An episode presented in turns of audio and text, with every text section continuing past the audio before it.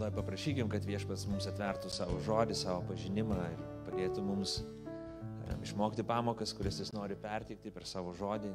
Iškas įstėvė mes melžiame ir prašome tavęs, kad tu atvertum mums savo žodį, savo žodžio gelmę, save atvertum per žodį, nes tu žodis esate viena, tu esi žodis, tu įkūniai žodį Kristuje ir Kristus yra žodžio įsikūnymas, iš tavęs kilo žodis, tu esi gyvasis žodis, tad viešpatė kalbėk mums, atverk mums šventai dvasia tiesą, mokyk mūsų, ugdyk, tvirtink, drausmink, statydink kiekvieną iš mūsų, toj dvasiniai kelionės daly, kurioje mes esam. Prašom, kad atvertų mums savo pažinimą, padėtų mums atrasti save ir išmokti, išmokti, kad mes galim kliautis tavim mūsų Dieve, mūsų Tėve. At šlovinam tave, garbinam ir pasitikim tavim. Ir visi sakom, amen. Sveiki, gyvi prisėskit visi.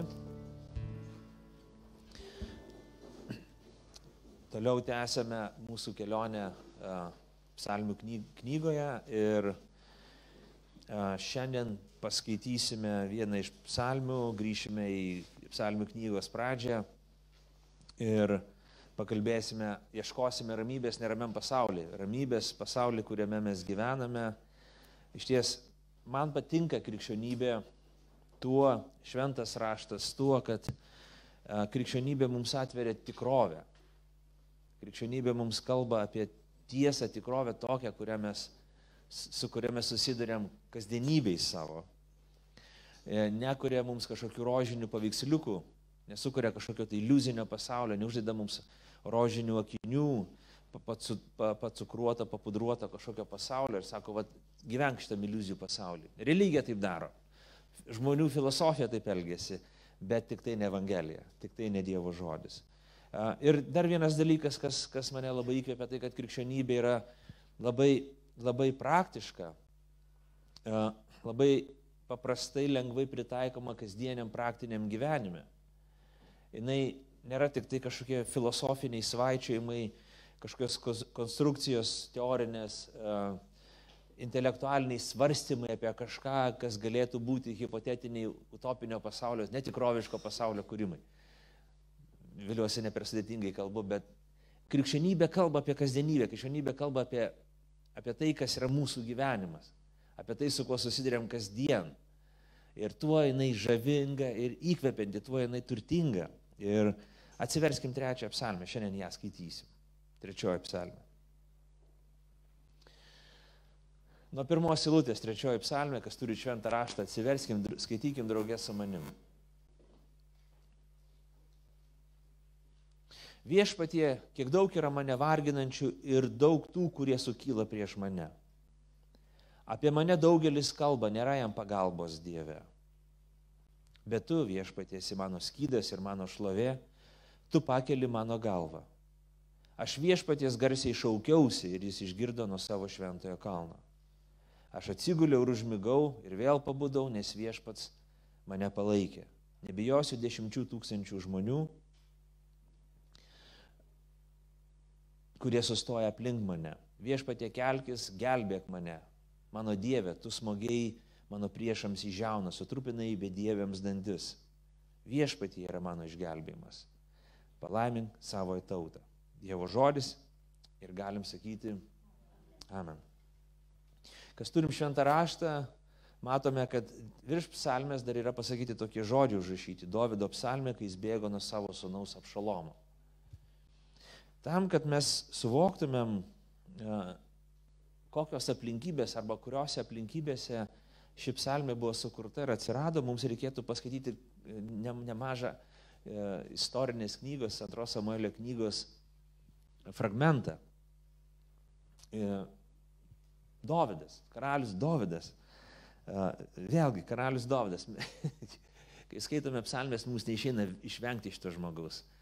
Vėl asmeniškumo aspektas, ne, kai mes pamokslaujam, kai mes kalbam, kai mes kuriam, mūsų kūryba, mūsų dievoieška, mūsų dievo ieškojimas, mūsų savęs atradimas ne, neišvengiamai susijęs su mūsų gyvenimu biografiniam tam tikrom, biografiniais tam tikrais elementais.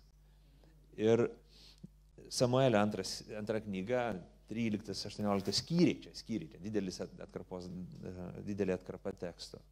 Ir karalius Dovydas gyvena tūkstantis metų prieš Kristų, tai prieš 3000 metų. Be abejo, jis buvo paveiktas, jo paties gyvenimas buvo paveiktas rytų karalių kultūros. Dėl to jis turėjo ne vieną žmoną, bet kelias žmonas.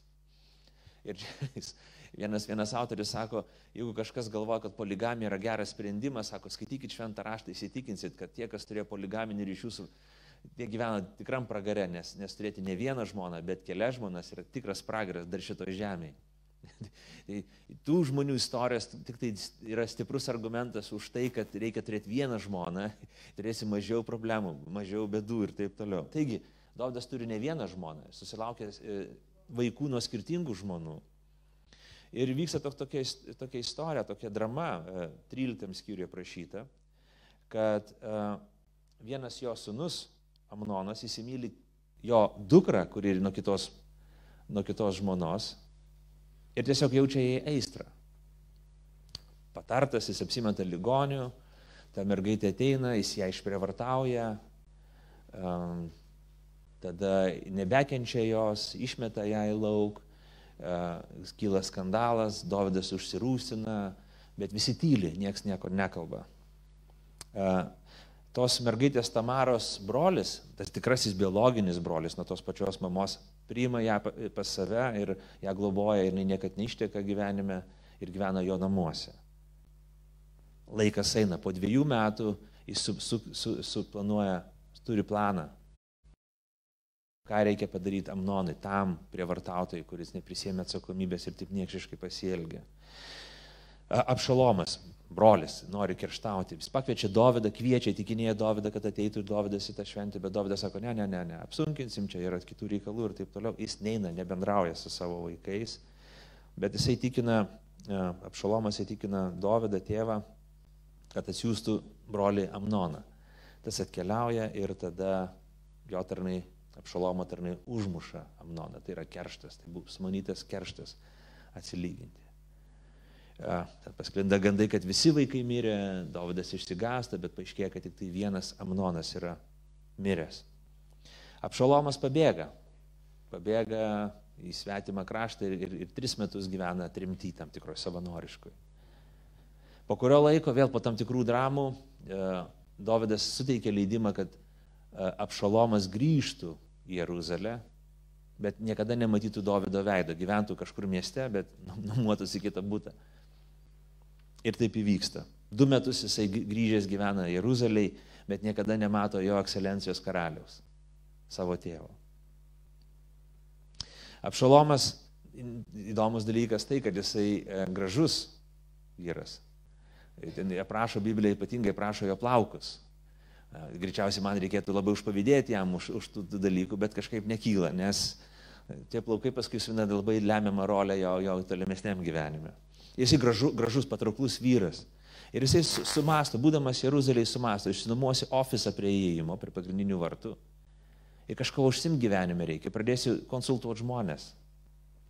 Tuo metu karalius būdavo ir aukščiausias teismas, kai tam tikrų sprendimų problemų neišspręsdavo vietiniai seniūnai bendruomenių, jie eidavo pas savo monarchą, pas karalių, kad spręsti bylų ir atidavo susidėtingom bylom. Ir Ir, ir Apsalomas pilnas kartelio sako, Apšalomas pilnas kartelio sako, hei, karaliui nerūpi, tu nerūpi karaliui, nu, nes aš irgi nerūpi karaliui.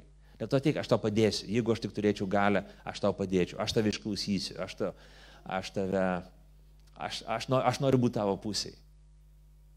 Ir tokiu būdu per tuos du metus jisai daro poveikį, jisai pradeda auginti savo reitingus, politinius reitingus, jis pradeda auginti politinę galę tuo pat metu be abejo ir karinę galę. Ir vieną dieną jis nusprendžia, viskas, aš nuversiu savo senolį tėvą ir būsiu, būsiu karaliumi. Ir jis nu, nuvyksta svetimą miestą, pasamdo žmonės ir iššaukia. E, Apšalomas yra karalius. Ir Dovydas supranta, paskaičiuoja, kad viskas, Apšalomas perėmė iš principo vykdė perversmą valstybė. Jis perėmė, žmonės perėjo, gentys perėjo į jo pusę, kariuomenė perėjo į jo pusę. Dovydui liko labai nedaug žmonių, tik ištikimieji, jo administracija perėjo į vieną pusę ir Dovydas turi bėgti. Jisai sunkiai kopė į tą sostą, 20 metų kopė į sostą, suvienijo Izraelį. Jis buvo galingas karalius, bet dabar jis turėjo nusižeminti, jis turėjo nulipti nuo sosto. Jis turėjo išeiti iš karališkų rūmų. Jis turėjo palikti karališką miestą ir pažemintas bėgti kažkur tai, slėptis nuo savo sunaus. Dovida vejasi jo paties sukurtos problemos. Čia, čia labai stipru, ką mes turim išmokti. Biblija mums kalba apie tai, kad Dovydas iš ties elgėsi netinkamai. Jo šeima buvo disfunkcinė šeima, jo šeima buvo neteisinga, jo tėvystė buvo bloga. Jis nesprendė kai kurių problemų, jis nebendravo su vaikais, jis buvo arogantiškas, jis buvo užsiemęs kitais dalykais, jis neskyrė laiko vaikų emocinių poreikių sprendimui, jis neskyrė laiko vaikų disciplinavimui ir drausminimui. Ir tada kas atsitinka? Problemos išauga. Jeigu tu šluoji, šluoji, šluoji, Dovydas šlavė, šlavė po kilimų dalykus, problemas, kažkokius tai neteisingus vaikų santykius, vaikų didelės nuodėmės. Ir ne, ne, nesprendė jų tiesiog. Tiesiog leido joms pačioms kažkaip išsispręsti. Kas įvyko, kalnas ėmė griūti, ne? prisitvinkęs ugnikalnis išsiveržė vieną dieną.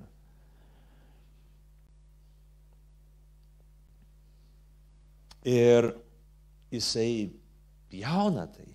Šventas raštas kalba labai paprastą, aiškę tiesą. Jeigu tu sėji, ateis pjūtis. Tai dėsnis, principas. Ūkininkai tai žino ir iš to gyvena. Bet tas principas ne tik žemdirbystėje, tai principas visam žmogaus gyvenime. Mes, mes šiandien aukojame ir apie aukas raštas sako, ne, apie aukojimą raštas sako, ką pasėjai, jeigu sėsi šykščiai, šykščiai pjausi. Kalba apie tai, kad Sėja tai tam tikra kova su godumu. Tu neįveiksi godumo šykščiai sėdamas, šykščiai aukodamas. Tu liksi godus, tu liksi su savo stabais. Jie tave suvaržys, jie tave valdys ir taip toliau. Tėvystė lygiai tas pats dalykas. Jeigu mes šykščiai sėjam, jeigu mes netinkamai elgiamės su vaikais, jeigu mes neduodam jiems emocinio turinio, jeigu mes jų nemylim, nepriimam, tada, kai juos reikia priimti, jeigu neskiriam dėmesio, tuomet, kai turim skirti dėmesio mes pjausim derlių tiesiog, jie elgsis netinkamai. Ir tų dalykų ieškos visur kitur, ten, kur jie elgsis blogai, tai gaus paramą iš tų aplinkų ir terpių, kurios juos sužlugdys.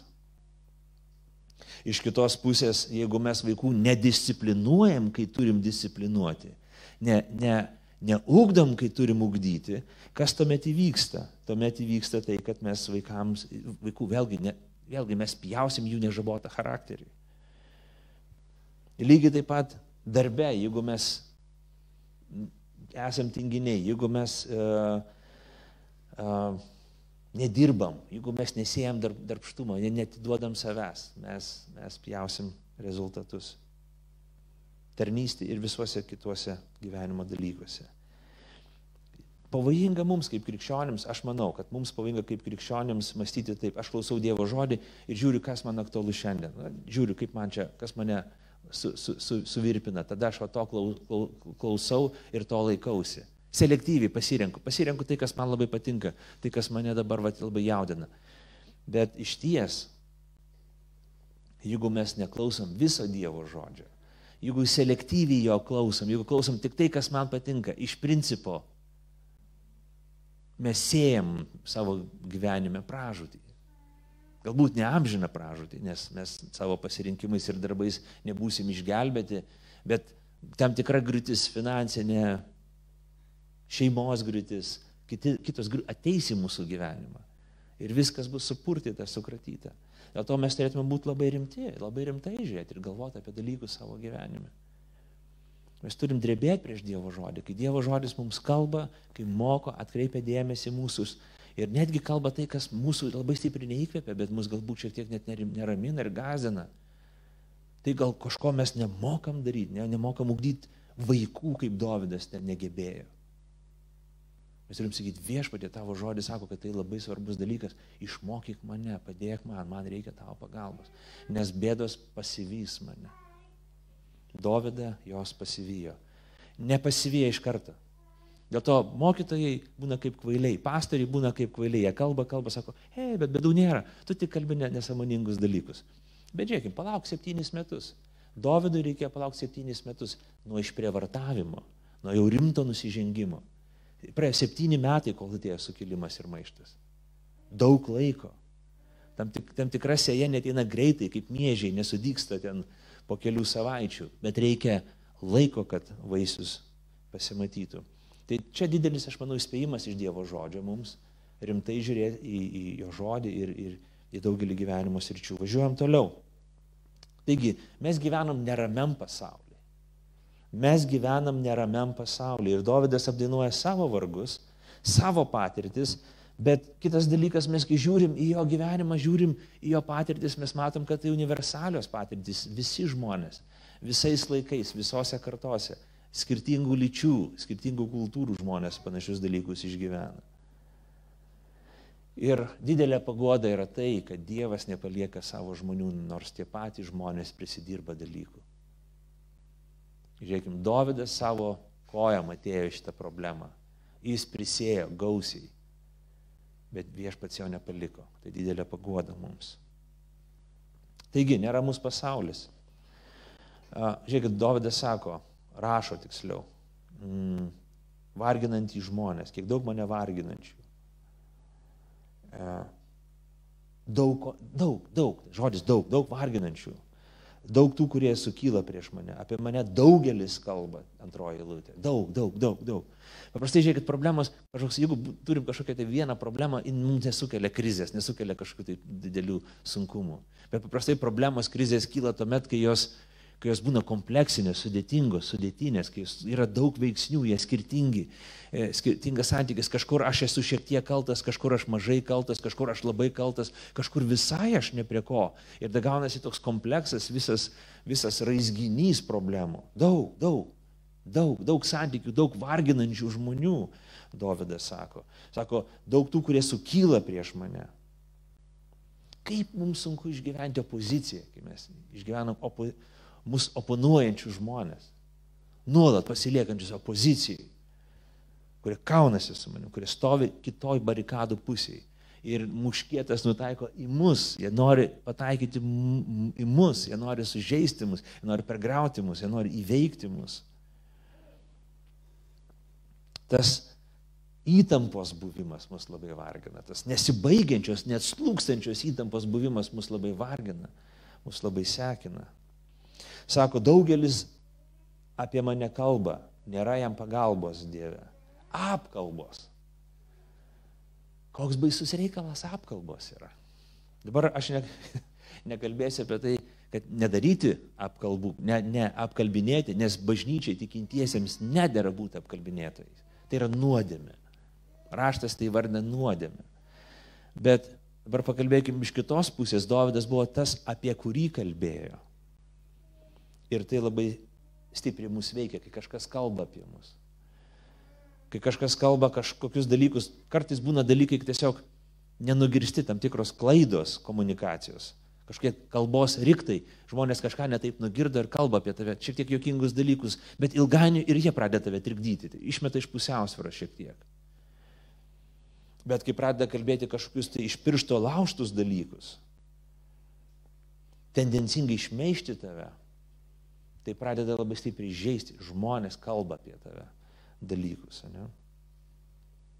Tokia buvo epizodas, kai Dovydas išėjo iš, iš Jeruzalės, išeina keliauja, jis bėga į slėptuvę, bėga pas patikimus žmonės, jį lydi žmonės, jį lydi jo kai kurie gal vaikai, ten aš dabar neprisimenu visų, visų detalių, jis eina su, su, su žmonėm, kažkuris pasiunčias tam tikrą misiją, eina su grupė žmonių ir tai iš, išbėga toks į, į, į lauką šimis, žmogelis, kuris kuris išgirdo naujieną apie tai, kad Dovydas nuverstas ir jisai buvo opozicija visą laiką Dovydui, bet kai Dovydas buvo sostės, bijojo apie tai kalbėti. Ir kai Dovydas jau nulipo nuo sosto, tada jis sako, o tu šiukšlė, tu. Ir jis mėtė akmenys, smėlį visokį ir taip keikė jį. Dovydo karžygiai, bendražygiai sako, sako, aš sako, paimsiu kardą ir padėsiu galvą į vietą, kur turėtų būti. Davidas sako, ne, ne, ne, ne, leiskim jam tai daryti. Nes matyt, Dievas turi tam tikrą tikslą, sumanimą tam tikrą. Aš turiu būti pažemintas. Aš turiu būti pažemintas. Ir Dievas leidžia tam šimiui taip kalbėti su manim. Ir, ir tai labai žaidžia mus. Tai labai žaidžia. Kaip sako, nėra jam pagalbos Dieve kalba, kaž, iš kur jie žino, iš kur tu žinai, kad nėra pagalbos Dieve. Ar tai tiesa, mes pradam dvėjot, gal iš tikrųjų jie žino. Mumise pabunda tas senasis žmogus, tas primityvusis žmogus, tas prietarais, kažkokiais religiniais prietarais besivadovaujantis žmogus. Ir galvom, gal tikrai kokia juoda katė perbėgo per mano kelią. Gal aš kažką užminiau ant kanalizacijos dangčio ir tris kartus nenusispjovau, nepaberbenau medį. Gal buvo kažkas, ko aš nepadariau, ko aš nežinau ir galbūt tikrai aš jau atskirtas nuo Dievo. Ir ar nesijaučia mes, tarsi praradę, kai būnam krizėje, būnam kažkam sunkume praradę, ar pra, be, pradedantis prarasti ryšį su Dievu. Dovydui tai buvo jo gyvenimo šaltinis, ne, toks energijos šaltinis, prasmės šaltinis.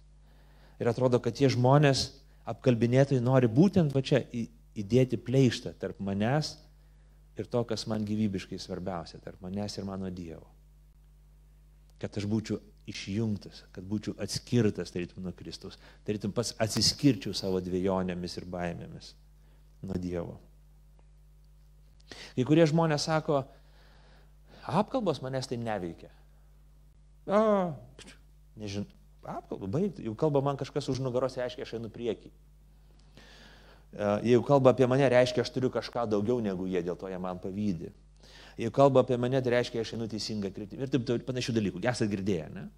Bet aš, aš dvėjoju, ar taip iš tikrųjų. Aš dvėjoju, ar tai tik, tik, tikroviškai yra. Aš dvėjoju, ar tai teisinga. Aš, aš dvėjoju, ar tai veikia apskritai toks mąstymas. Sakyt, paskalos neveikia manęs. Ne, nelabai tikiu. Čia tokia povyza toks stoiškas arba toks arogantiškas pareiškimas, toks įsirėmimas į savo ego. O, aš kietas, aš tai reiškia kietesnis už jūs. Ir netikinčiam žmogui, galbūt tai vienintelė, aš nežinau, galbūt tai vienintelė strategija taip, taip daryti. Pradėti apkalbėti juos, atsimušinėti tuo pačiu ir panašiai. Bet man patinka šventas raštas, kad šventas raštas kalba tiksliai apie tai, kokie mes esame. Mus žaidžia, kai kiti kalba. Mes, taip, mes surėdėti tokie esame mums reikia visuomenės, bendruomenės, kitų žmonių pritarimo ir kai jie nepritarė mums, kai jie mus atskiria nuo savęs, tai labai skausminga. Tai ne fiziškai, bet emociškai skausminga. Prisiminkime atpirkimo ožius. Jie visą ką egzistavo, juos įstatymė jie buvo, bet atpirkimo ožiai tai buvo tie, tos, tie ožiai, ant kurių uždėdavo rankas kunigas ir išvarydavo į dykumą. Čia buvo religiniai atpirkimo žėjai ir juos traskydavo laukiniai žvėrys. Bet socialinė prasme, bendruomeninė prasme, atpirkimo ožiai visą laiką būdavo. Mes savo istorijai žmonėje visą laiką išstumdavom tos žmonės, kurie nepaklūsta mūsų taisyklėmis. Mes su jais nekalbam, mes apie juos kalbam, mes juos ignoruojam ir tai mus žaidžia, tai mus, mums sukelia didelį nesaugumo jausmą ir potyrį. Šią savaitę viena studentė man papasakojo savo istoriją. Uh, jos, jos dukra susirgo sunkiai. Jie ją gydė ir galiausiai mergaitė mirė. Ir atrodytų, kad tuomet, kai uh, miršta tavo vaikas, tau reikia artimųjų pagalbos ir draugų palaikymo. Bet artimieji pradėjo žinot, ką daryti ir draugai kaltinti ją sakyti, tu kalta už tai, kad vaikas mirė. Tu bloga, tu blogai išnešioji vaiką. Tavo genai blogi, tu bloga mama, tu neteisingai ilgiais, neteisingai gydai. Ir atrodo, žmogus, kai mes išgyvenam netekti, mums reikia, hei, paguoskit mane. Ta žmogus turi susitelkti ir bėgti nuo kitų, kad ne, dar labiau nebūtų sužeistas. Tai mus labai stipriai žaidžia, kai mes esam tam tikroj pažeidžiamoj vietoj, kai mes esam tam tikrų metų, kai, kai tarytum atidengiam savo silpnasias vietas ir kitų žmonių pikti žodžiai labai stipriai mus veikia. Taigi, man patinka Biblija, kuri sako, Man patinka Dovydas, kuris sako, jis nebuvo šiaip kažkoks tai humanitaras, estetas, kuris vaikščiodavo ir, ir stebėdavo gamtą ir užsirašydavo į savo kažkokį tai rožinės spalvos blanknotą. Jis buvo karys, jis buvo galingas vyras, jis buvo tas, kuris kaudavosi. Jo rankos buvo suteptos krauju, jis buvo lyderis. E, jis, jis buvo laukiniai dikumoje gyvendavo, jis nuo vaikystės kaudavosi, jis buvo karingo charakterio žmogus, bet jisai atlapa širdį, sako, aš girdžiu apkalbas ir tai mane veikia, tai mane, tai mane žaidžia, tai mane žemina. Dievo žodis nekuria stoiško herojaus, antžmogio, kuris nieko nebijo, supermenai, kurį kulko pridžu, pridžu, atsimuša visas pusės ir jis nejaučia skausmo. Ne. Dievo žodis kalba apie žmogų tokį kaip tu ir aš. Silpną, pažeidžiamą, fragmentuotą, dvėjojantį, jautrų, įveikiamą. Ir sako, ką tada daryti, kai tu esi pergrautas, kai tu esi vienas, kai tu esi sudužęs, kai tu nebegali surinkti savęs. Apie tokį žmogų kalba. Ne apie tuos, kuriuos mums kūrė televizija, Hollywoodas ar kažkas panašaus, bet apie tai, kas esi tu. Ir tuo mane žavi šventas raštas. Kad jis nuima kaukės, nuima kažkokias ideologinės mąstyseną, sako, ne, mes kalbėkime apie esmę, apie tikrovę, apie tai, ką gyvenam, apie tai, ką išgyvenam kiekvienas iš mūsų. Ir tas man labai patinka. Ir tada yra pagalbos paieškos. Dovydas supranta, suvokia savo desperacinę būklę, kad daugybė žmonių nusisukė nuo jo. Kažkas kalba, kalba apie jį, kad tai Dievo koronė, Dievo priešas, dabar Dievas jam atsuka karmos taškus, jam dabar suberė jam ant galvos ir dabar žinokis, Dievas sudegina tiltus, draugystės tiltus su Dovydu ir Dievas nekenčia Dovydą, dėl to jis tai patiria. Ir ką daro Dovydas? O, aš patikėjau šituo melu, aš patikėjau šitais prietarais, aš dabar bijausi kačių judų. Ne. Ką Dovydas sako? Trečioji eilutė, žiūrėkime, bet tu viešpatie esi mano skydas, mano šlovė. Tu. Jis nesamprotauja apie tave, apie kažką, apie Dievą, jis nerašo traktato apie Dievą. Jis neieško poetinių kažkokių dalykų, jis iš karto ir kreipiasi, tu, die, oh, Dieve, man kažkas sakė, kad tu tu mane atskyrį nuo savęs, bet aš, aš einu pas tave. Aš noriu pasitikrinti, ar aš esu jungty su tavim. Ar tu dar priimi mane? Ar tik piktai taip žmonės kalba apie mane, bet man reikia, aš atinu pas tave. Aš nenoriu klausti apie tave. Aš nenoriu samprotauti apie tave. Aš einu pas tave.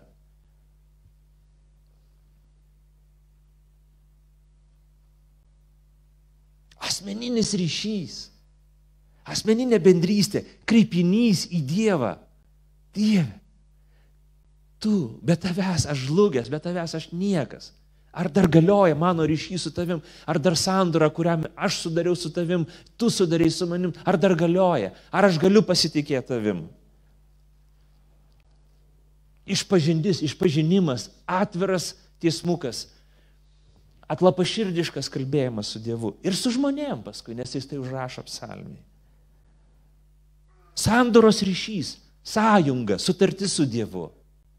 Dieve, aš patikėjau tavo žodį, aš aukojau aukas už savo nuodėmės, tai buvo Senasis testamentas iki Kristaus.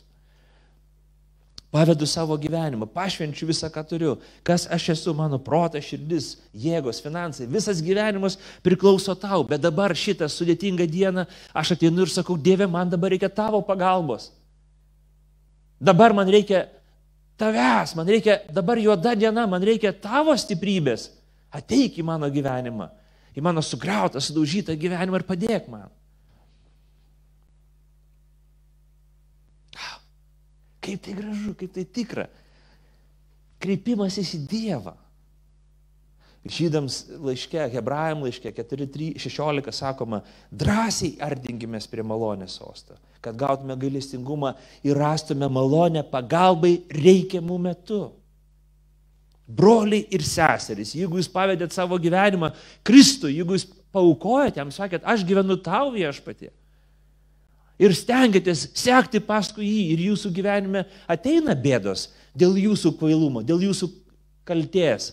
Ar tiesiog nežinot dėl ko? Jums skamba šie žodžiai, drąsiai artinkitės prie malonės sostą. Malonės, neužsitarnautų darbų, bet malonės, Kristaus darbų pelnytos malonės sosto, kad gautumėte pagalbą, gailestingumą, malonę pagalbą reikiamų metų. Tada, kai reikia, jūs galit kreiptis į Dievą. Jeigu esate jungtyje su juo. Jeigu pažįstate jį. Tas sostas yra atviras per Jėzų Kristų.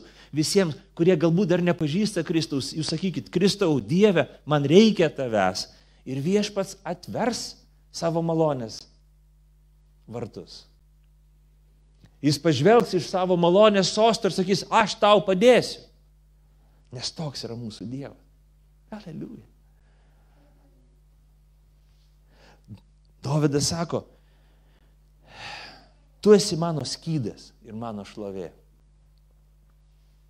Įdomu, mūsų, mūsų lietuviškam vertime yra ir, ir abiejose vertimuose, sako, skydas ir mano šlovė.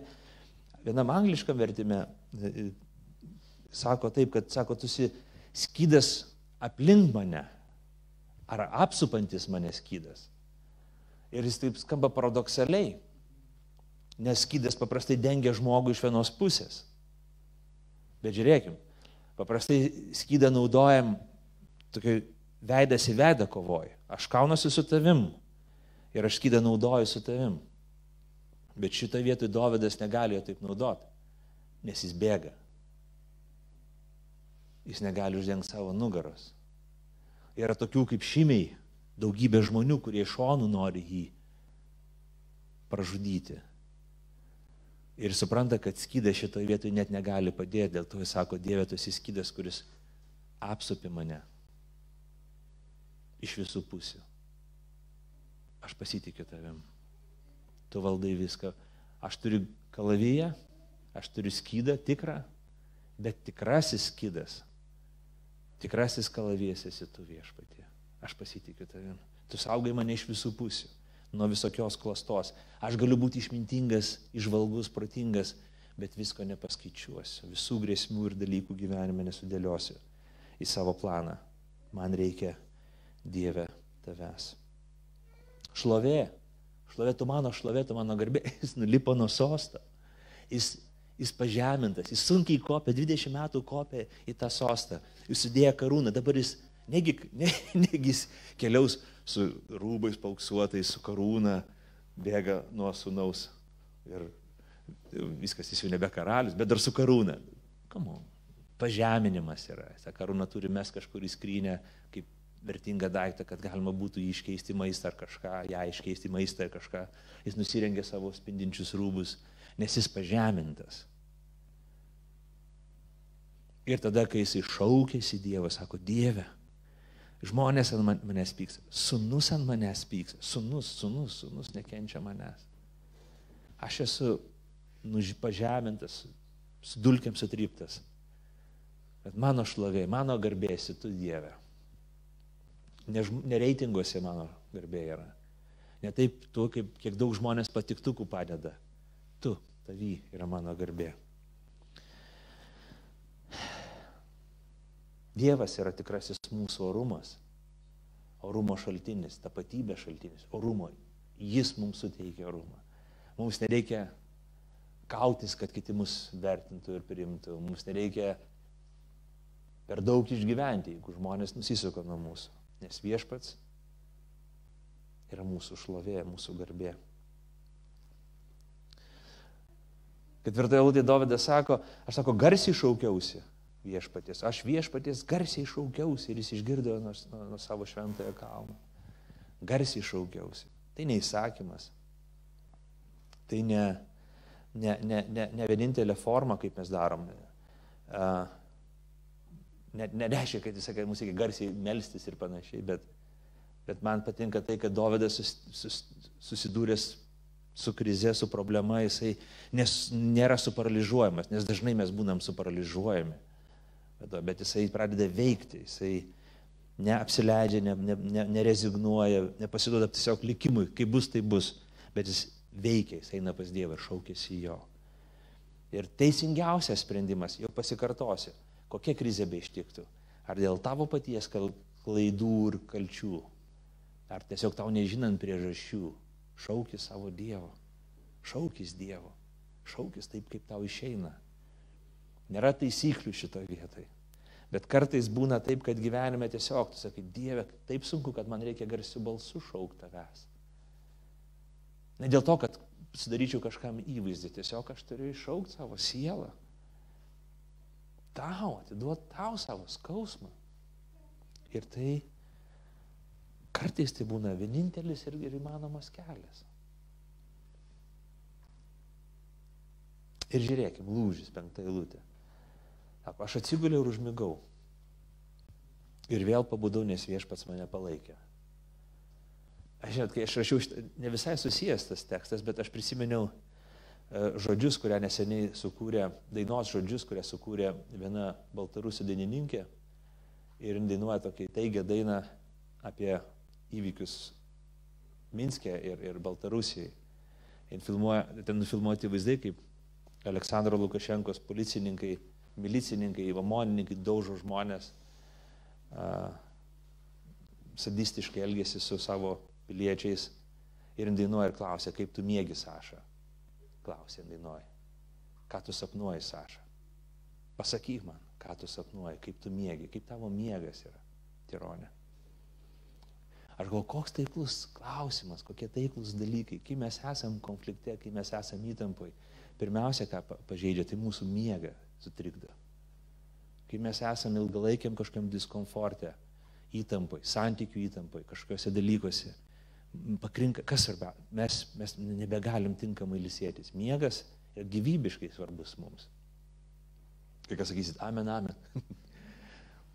ir ypatingai moksleiviai ir studentai per pamokas tą, tą prisimena. Ir, bet bet uh, kai krizės mūsų ištinka, mums, o, atsiguli, tu negali užmigti. Kai pavojus ateina, tu negali mėgoti, nes tu, tu, tu panika tave, tave gali įveikti. Tu naktį parbundi ir galvoji apie problemas. Naktį mūsų protas būna šiek tiek iškreiptas ir mes tada mastom, jos didelės atrodo, nerimas auga labai stipriai. Mes valandomis galim neužmigti, mes parbundam ryte ir negalim sudėti bluosto.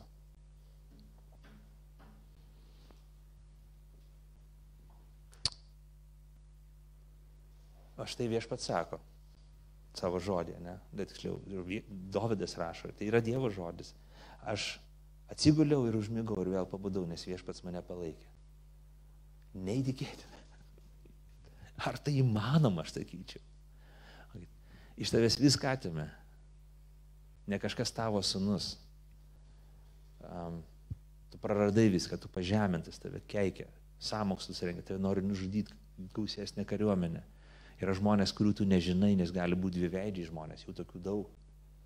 Ir štai tu atsiguli vakare ant savo pagalbės, galbūt net neturėjo pagalbės, kažkur į mėgmaišį įsisukęs, jis miega kažkur prie, prie, prie medžio ar, ar, ar oloj ir užmiega. Neįtikėtina. Dovydai, tau viskas gerai su galva, kas yra tau? tu turi nerimauti, tu turi būti, tu turi valandą, dvi mėgoti, nes tu karžygys, tu turi bražyti planus, tu turi siūstis iš interneto dalykus, skaityti medžiagą, karinius vadovėlius ir galvot, kaip atsikeršyti. Tu turi nerimauti ir įtarinėti visus, ar nėra nuodų, ar viskas čia gerai, ar tas, ar tas, kas galėjo čia būti tas kurmis, kuris išnešė informaciją. Tu turėjai užsimti žvalgybą, kontržvalgybą ir visais kitais dalykais, suimti na, į, į, į savo nagą visą valstybę, susigražinti ją. O Dovydas miega. Čia neįtikėtinas dalykas. Kažkuo man tai primena Evangeliją, kai mokiniai plaukia su Jėzumi audroj ir, ir visi viskas kesta, jau valtys semia, jau, jau verčiasi, o Jėzus guli gale su pagalvė, su, su pagalvė ir miega. Mokiniai galvoja, porą rankų dar padėtų semt vandenį, komon, kos miega. Ei, pasakyk jam, kažkuris vienas, nu, tu, tu, davai, tu irgi padėk, jim, va, kaušiuką ir, ir, ir semk ten jogurto indelį ir bent vis tiek kažkiek išsemsi vandens. Bet Jėzus miega. Tikėjimas suteikia mums ramybę. Nepaisant visų audrų, visų sunkumų, kuriuos mes išgyvenam, Dievas duoda taiką ir ramybę savo tautai. Tai neįtikėtina, broliai seserys. Žiūrėkit, ketvirtą psalmę, šalia visai ir aštuntą eilutę sako, atsigulu ramus ir užmiegu, nes Tu vienintelis viešpatė leidži man saugiai gyventi. 127 psalmė čia kalba apie vargo ir nerimo apimtų žmonės, sako, veltui keliatės prieš aušą ir vargstate lygi vėlyvos nakties. Jūs valgote vargo duoną, o savo mylimajam viešpas duoda miegą. Neįtikėtinas reikalas. Kontrastas.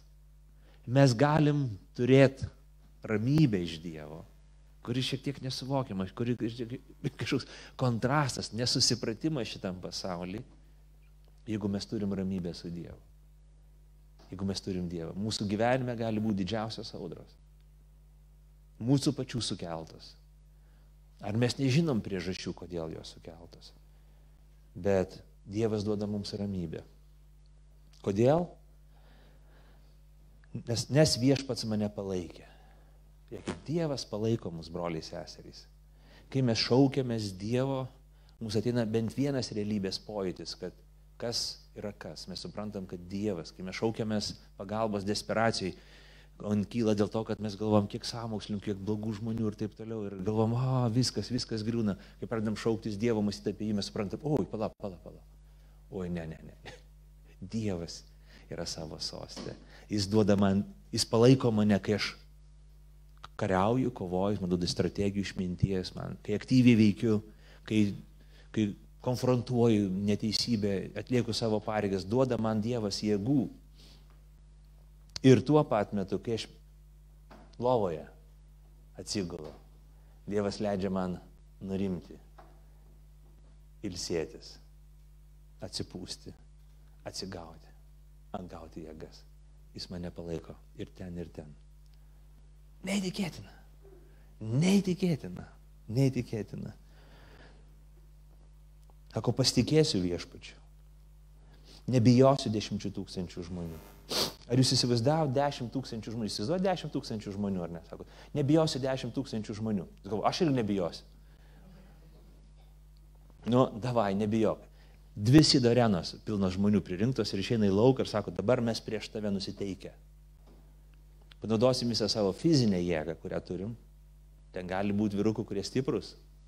Panaudosim savo intelekto jėgą, kad tave sunaikintumėm.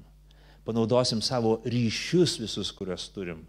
Artimuosius, giminaičius, sąjungininkus, palaikytojus. Ir tave sunaikinsim. Įsivaizduoja tokį dalyką. Tai mus nu, sugniuždytų tiesiog. Dovydas sako, nesako, kad nebijau, bet sako, nebijosiu. Būsimuoju laiku sako, nebijosiu. Nes aš žinau, koks mano Dievas. Dievas mano pusėje. Koks dalykas, Dievas šiek tiek uždėlsė mūsų gyvenime, su kažkokiu tikslu uždėlsė mūsų gyvenimą. Dovydas sako, viešpatė kelkis, gelbėk mano Dievę. Gelbėk mane mano Dievę. Toks jausmas, kad vat, Dievas šiek tiek uždėlsė, kažkoks jisai uždėlsė mūsų gyvenime. Ir jeigu mes pažįstam patį Dievą, jo charakterį, jo širdį, jo veikimą istorijai, savo gyvenime, mes šiek tiek atrandam ramybę ir supratimą, a, okei, okay, gerai, net ir šitoj situacijoje žinau, kad net jeigu dabar nesireiškia Dievas, ateis reikiamų metų, aš pažįstu jį, žinau jo charakterį, žinau jo veikimą.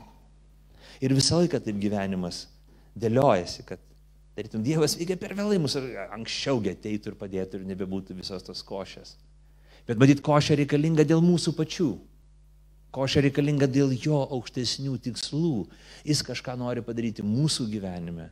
Jis turi atsakyti klausimus, galbūt ta, ta košė turi atsakyti klausimus, kas yra kas. Mes turim pasirinkti, mes turim būti apšviesti, mes turim nupjauti, ką mes pasėjom. Kiti žmonės turi nupjauti tai, ką pasėjo. Ir Dievas leidžia tiems dalykams įvykti ir tarytum šiek tiek vėliau atėjęs jisai viską susidėlioja. Nes Dieve, pabus, hei, ateik, ateik greičiau, greičiau, pabus blogai. ir jis ateina, jis visą ateina laiku. Žiūrėkim, kai baigėsi viskas. Dievas yra kaip boksininkas, kuris paskutinis smūgį ringę atlieka. Tu smogiai mano priešams įžiauna sutrupinai bedieviams dantis. Dieve yra mūsų išgelbėjimas mes juo pasitikim. Jis yra mūsų bokso čempionas. Jis mūsų apsauga, jis mūsų pasitikėjimas.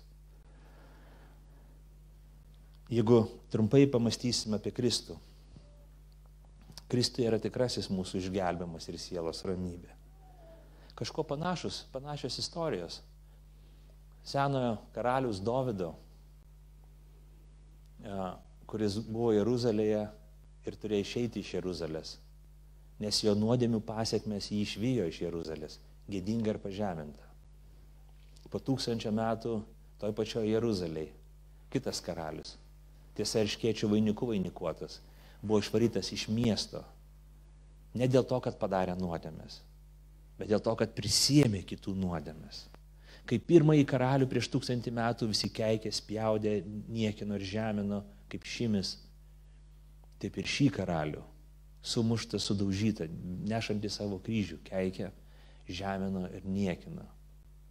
Nes ant jo buvo sudėtos visos mūsų nuodėmės. Jis nešė ne savo nuodėmių pasiekmes, bet nešė mūsų nuodėmių pasiekmes. Jis šaukėsi Dievo, kaip kad Dovydas šaukėsi Dievo. Tas karalius, kuris buvo su ryškėčių vainiku, Dovydo žodį šaukėsi Dievo. Žinodamas, kad jisai bus atskirtas nuo jo dėl nuodėmės, kurios nepadarė, kurią padarė mes. Štai kodėl jis prisikėlęs iš numirusių yra tikrasis mūsų išgelbėjimas. Nes jis sėdi Dievo dešinėje, atsintė šventą dvasę mums, kad duotų mums ramybę. Net tuomet, kai mes esam skerdžiami kaip avis skerdimui paskirtas. Mes turim ramybę, mes turim pažadą, mes turim šventą dvasę. Mes turim jo buvimą su mumis, broliai seserys. Nepaisant gyvenimo aplinkybių. Pasitikėkim, jis mūsų išgelbimas. Būtent per Kristaus kryžių tas išgelbimas atėjo mūsų gyvenimą. Ir žiūrėkit dabar, nepriklausomai, kieno kojomis jūs atėjote į šitą krizę, ar ateisite į krizę ateityje, savo neteisingais pasirinkimais, ar tiesiog jinai ištiks jūsų gyvenimu, net nežinot kodėl ir kaip. Jūs visą laiką galite šauktis viešpaties Jėzaus Kristaus. Sakykit, viešpatie Jėzau, man reikia tavęs. Karaliau, kuris buvai išvarytas iš Jeruzalės, kuris buvo nukryžiuotas už mano nuodėmės. Visi neteisingi darbai ir pasirinkimai buvo prikalti prie kryžius. Man reikia. Aš aukiuosi tavęs. Viešpatė Jėzų primk nusidėlį, primk suklydusią avį, primk pasimetusią sielą, paimk sudaužytą žmogų ir išgelbėk mane. Ir jis tai padarys. O taip jis padarys. Amen. Pakilkime maldai.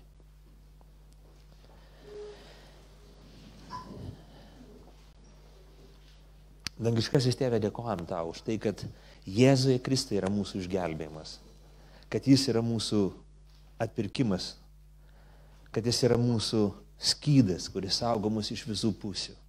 Jis mūsų garbė, šlovė ir orumas. Viešpatie Jėzau, mes ateinam pas tave, kiekvienas iš mūsų per maldą mes kreipiamės į tave ir sakome viešpatie, priim mane, priim mane. Ateinant į pirmą kartą ar ateinant į tūkstantąjį kartą, mes sakom, Dieve, man reikia tavęs. Man reikia tavęs. Priim mane, apalyk mane, sustiprink, pakelk, mokyk ir guosk, statydink ir stiprink, kad gyvenčiau su tavim. Pamokyk išminties, kad teisingai gyvenčiau, kad savo kojomis neįčiau į bėdą, kad savo rankomis neprisikurčiau problemų. Sutvirtink kiekvieną iš mūsų, mano ir mano brolių seserų, asmeninė bendrystė su tavimi viešpatie. Kiekvienas bus stipresnis, drąsesnis ir tvirtesnis tavyje. Per Kristų mes prašom ir sakom visi. Amen.